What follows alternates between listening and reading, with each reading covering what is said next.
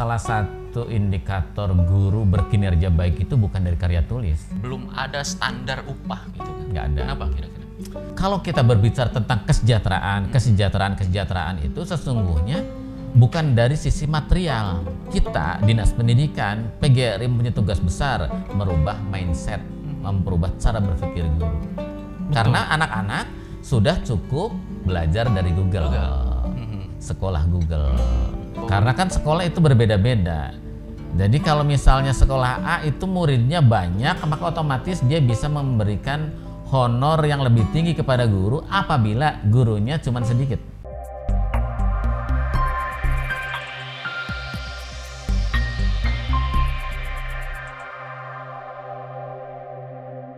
Sebelum lanjut nonton video ini, jangan lupa tekan tombol subscribe, nyalakan lonceng, like, dan share. Selamat menonton! Assalamualaikum warahmatullahi wabarakatuh. Salam warahmatullahi wabarakatuh. Mudah-mudahan kabar baik untuk Anda semuanya. Bahagia sekali hari ini. eh, Jabar Media Channel kedatangan tokoh pendidikan di Purwakarta. Terima kasih sudah menyempatin waktu di antara kesibukan-kesibukan Iya. ini. Luar biasa. Sama saya, Mas, saya terima kasih bisa diundang ke sini. Sebelumnya selamat. Kemarin sudah jadi ketua PGRI. Ya. Mutlak katanya aklamasi. Kamu. Alhamdulillah. Berarti luar biasa penghargaan eh, teman-teman pendidikan terhadap Kang. Saya panggil Kang Ipung aja ya. Ya, nggak apa-apa, bebas. bebas. Supaya lebih Asal jangan panggil kakek aja, semudah kayaknya. Ini Kang, eh, kaitannya saya mulai dari PGRI itu nggak apa kan? Ya. Eh, sebenarnya dari dulu persoalan kekurangan eh, eh, tenaga dan distribusi guru ini kan jadi PR sekali. Di Purwakarta Iya. seperti apa itu Kang sebenarnya? Ya kita jujur kalau persoalan guru itu memang persoalan yang paling serius dalam eh, eh, apa menyikapi masalah pendidikan. Karena kan kalau kita berbicara tentang pendidikan itu ya apa eh, bisnis core-nya itu ya di guru. Mengapa guru? Karena kan pendidikan itu terjadi manakala terjadi proses interaksi Ya. pembelajaran. Ya. Proses pembelajaran itu antara siapa? Antara guru murid. Kalau nggak ada gurunya, maka apa ya dinamakannya gitu. Ya, ya betul. Nah itulah mengapa guru menjadi peran paling penting, menjadi apa eh, apa korbis lah ya, Hmm. korbis di dalam sistem pendidikan. Ya, gitu. ya. Karena tanpa guru nggak akan ada pembelajaran. Itulah mengapa guru itu penting. Nah kemudian persoalan eh, ini karena pentingnya ini maka mau tidak mau guru itu wajib ada di kelas-kelas. Nah sekarang itu kita kekurangan 3.226 guru PNS ya. PNS. PNS. Dan selama ini kita diisi oleh guru-guru honorer. Honorer. Memang kalau berdasarkan data pokok pendidikan itu rasio guru murid kita udah kelebihan sebenarnya. Ah, kelebihan. Kalau dihitung dengan honorer. Honorer. Udah kelebihan. Kita rasionya sih misalnya SD itu satu berbanding 28, kita itu satu berbanding 23. Oke. Artinya satu guru melayani 23. Harusnya satu guru melayani 28. betul.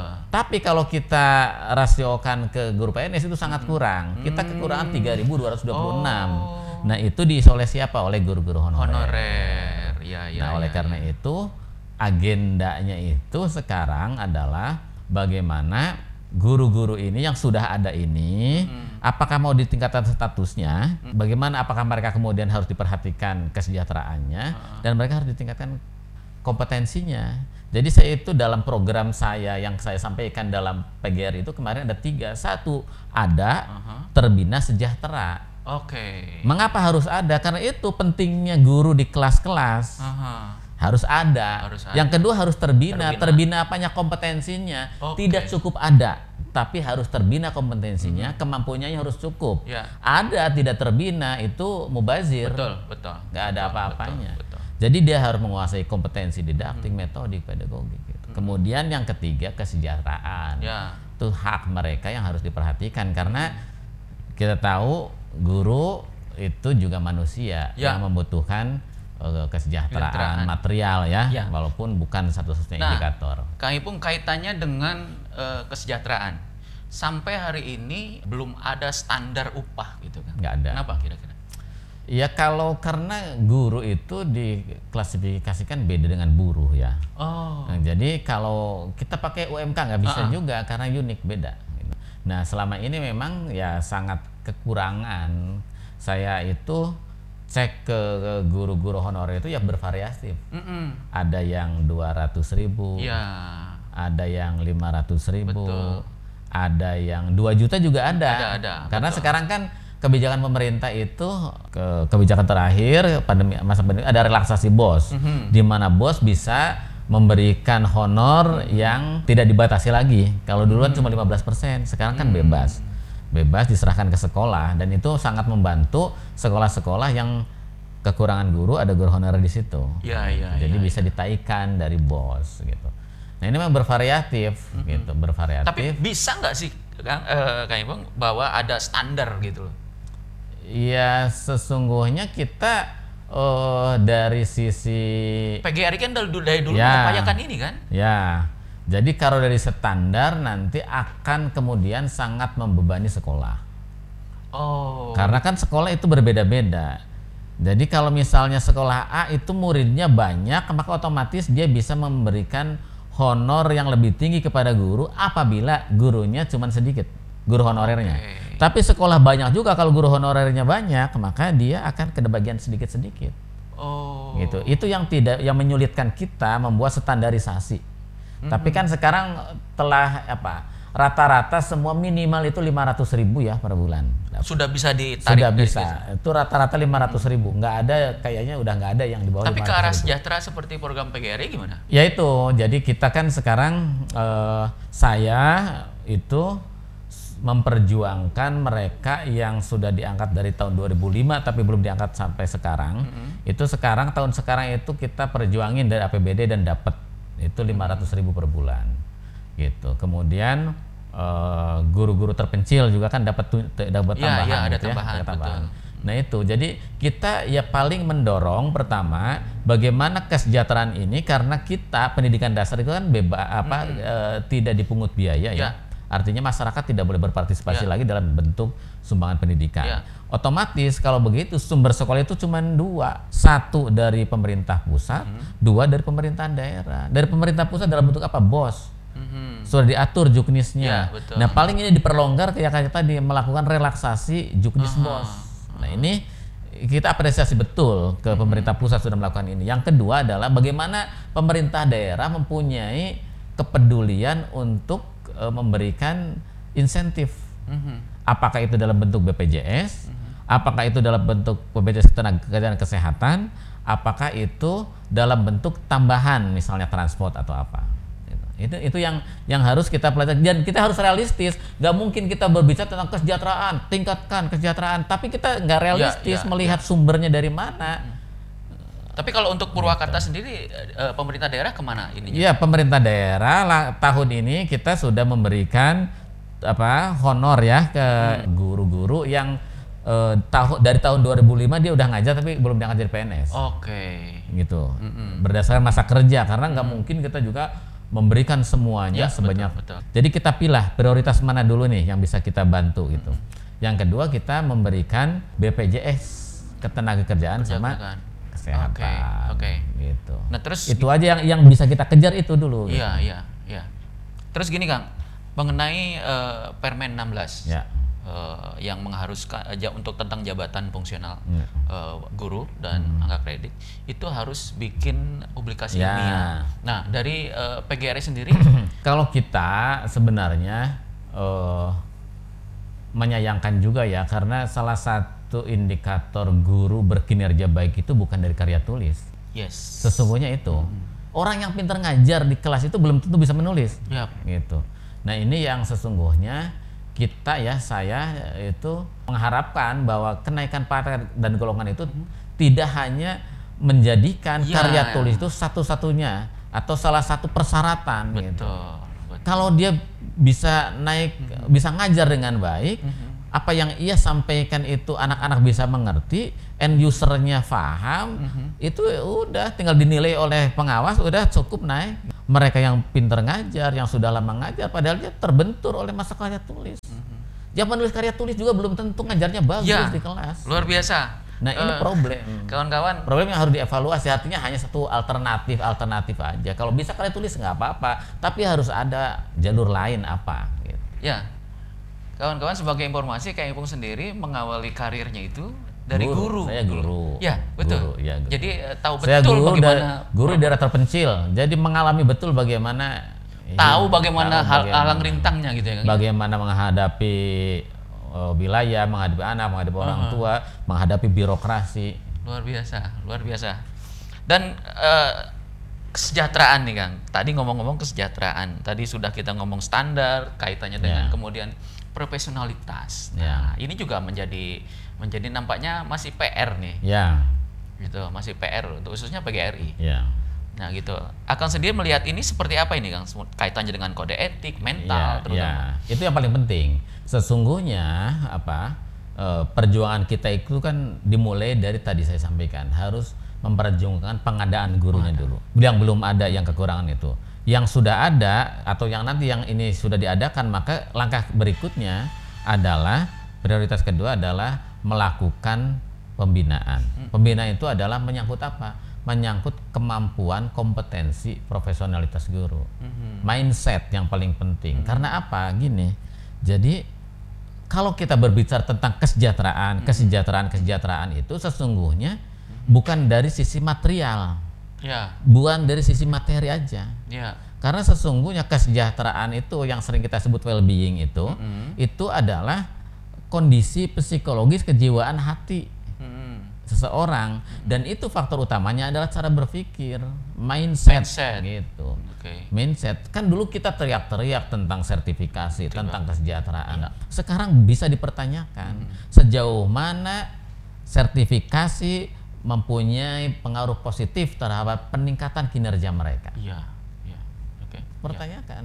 Nah ini kalau kita berbicara mengukur dari sisi Ya. materi. Oleh karena itu apa yang saya perjuangkan? Saya memperjuangkan adalah membangun, Mhm. membangun eh, kapasitas. Membangun kapasitas itu bukan hanya dari sisi bagaimana dia mempunyai keterampilan mengajar, kemampuan mengajar, tapi bagaimana integritas dia, bagaimana pola pikir dia itu yang harus dirubah. Mindset guru bahwa dia ngajar itu adalah sebuah tanggung jawab, sebuah ibadah dan itulah kalau dia kalau ditanyakan sama orang apa sih ibadah guru itu Ya. ngajar Nampaknya sekarang yang juga paling penting itu sudah mulai bergeser jika dibandingkan dengan Ya, dulu yes. zaman kita bahwa guru itu adalah pengabdian gitu kan. Yes. Nampaknya sekarang udah mulai bergeser. Setuju? ya ya ya sekarang sudah mulai beru- berubah pikiran bahwa eh, mengajar itu fungsional sesuatu yang regular eh, bukan panggilan jiwa Ya. Nah ya. itu yang yang harus dirubah mindset mindset itu di dalam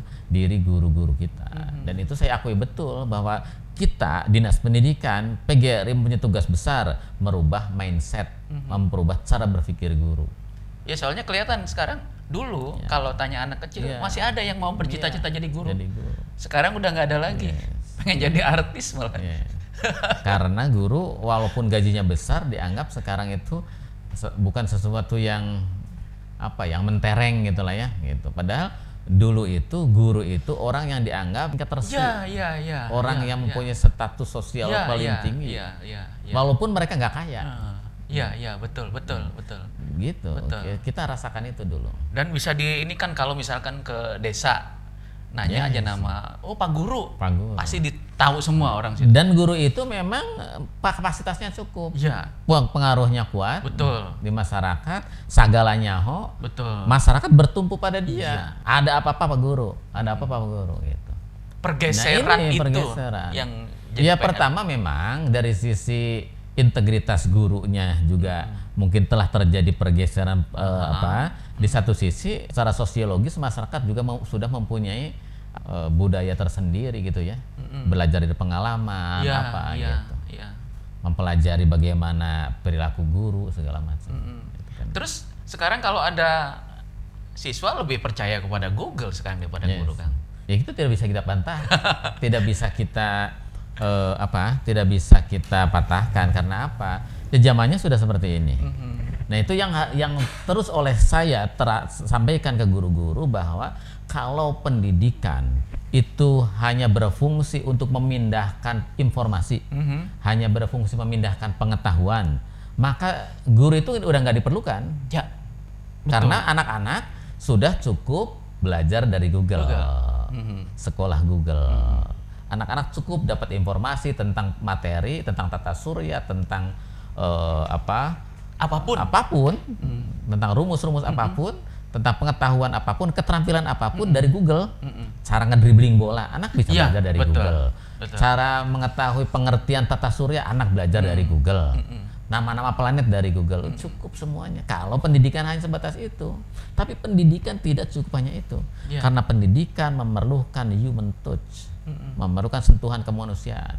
Bagaimana anak-anak harus berkolaborasi, bagaimana anak-anak harus bekerja sama, bagaimana anak-anak punya perasaan memiliki kepedulian sosial, bergotong royong, dan itu nggak akan didapatkan dari Google. Iya, iya. Dari mana? Dari tatapan mata. Ya. Dari mana? Dari tepukan seorang Ya, guru. ya, betul, Dari mana? Dari eh, pergaulan seperti ini, dari makan bersama. Chemistry-nya terbangun Seperti dari situ. itu. Sehingga guru ke depan yang dibutuhkan itu di masa depan itu guru yang seperti apa? Guru yang bisa memahami potensi murid, Mhm. melihat ini muridnya satu-satu ini 32 ini Ya. apa potensinya Tidak mengeneralisir. tidak digeneralisir potensinya apa dikembangkan kemudian bisa melihat masalah yang dihadapinya baik masalah pribadi masalah keluarga maupun masalah sosial. Ya. dibantu menyelesaikannya. Agar apa? Agar tidak menjadi hambatan potensi dirinya berkembang tadi. Ya, ya, betul, dua betul, itu ya ke depan itu yang dibutuhkan. Kalau hanya kemampuan transfer Kecerdasan informasi berpikir. udah digantikan sama Google Betul, betul, betul. Tidak usah harus kehadiran guru. itu bisa yang dinafikan. harus dipersiapkan oleh seluruh LPTK di Indonesia Oke. lembaga pendidikan, dan Pendidikan. tenaga pendidikan kayak UPI, kayak STKIP harus mempersiapkan guru-guru yang seperti itu. Ya, terus gini Kang. Nah ini ini eh, agenda penting nih, agenda penting yang eh, sudah Akang persiapkan terhadap persoalan-persoalan tadi. Seperti apa? Kalau di PGRI kita otomatis lah ya, kita akan melakukan program-program berkenaan dengan bagaimana upaya peningkatan kompetensi itu, kapasitas guru ya. Nah, karena PGRI itu tidak bisa juga lepas. Ya, apalagi saya kapasitasnya sebagai ketua PGRI sebagai kepala dinas pendidikan memudahkan saya untuk apa? melakukan intervensi, melakukan berbagai macam kebijakan dan kekuasaan, Ya. termasuk anggaran. Bagaimana upaya meningkatkan kompetensi guru. Dulu kita di dinas pendidikan nggak pernah ada ke- ke- kebijakan menyekolahkan anak, Ya. menyekolahkan guru. Sekarang saya sekolah, sekolahin. Yang belum S1 sekolahin S1. Yang belum Diwajibkan? S2, wah, iya, dibiayain oleh kita. Oh. Guru-guru tapi ya, yang udah PNS. Terus yang belum S2, kepala sekolah seleksi, sekolahkan. Saya sekarang udah punya program, udah dua tahun berjalan, mereka harus sekolah S2, mereka harus sekolah S1. Kemudian peningkatan kompetensinya juga saya latihan diklat-diklat segala macam. Bahkan secara struktural bidang saya saya yang namanya pembinaan ketenagaan. Dulu nggak ada bidang pembinaan ketenagaan, tapi karena saya mempunyai fokus terhadap upaya peningkatan kompetensi guru, saya bikin khusus bidang pembinaan ketenagaan. Guru TU. Karena itu penting, karena semuanya akan berawal dari mindset, berawal dari cara berpikir. Ya, wow, luar biasa kawan kita berbicara. Kalau dengan ahlinya eh, menyenangkan sekali. Eh, setelah ini kita akan fokus ke eh, bidang eh, dinas kependidikan, bidang pendidikannya di Purwakarta karena beliau juga adalah kepala dinas pendidikan di sini. Eh, jangan lupa subscribe ya. Oke, setelah ini kita akan ada hal-hal yang lebih menarik lagi, terutama untuk eh, pendidikan, agenda pendidikan di Purwakarta. keluarga orang tua ibu dengan anak-anaknya jauh anak-anaknya seharusnya di rumah terus tinggal Iya. Main Betul. game main ke Ya, warnet ya, ke mana ya. ke mana orang tuanya kan. Dalam diri setiap anak manusia itu adalah nilai-nilai spiritualitas yang harus dikembangkan terus. Oleh karena itu apa? Anak-anak di sekolah-sekolah itu harus dididik jiwa kepribadian kesiapan mentalnya keterampilannya pengetahuannya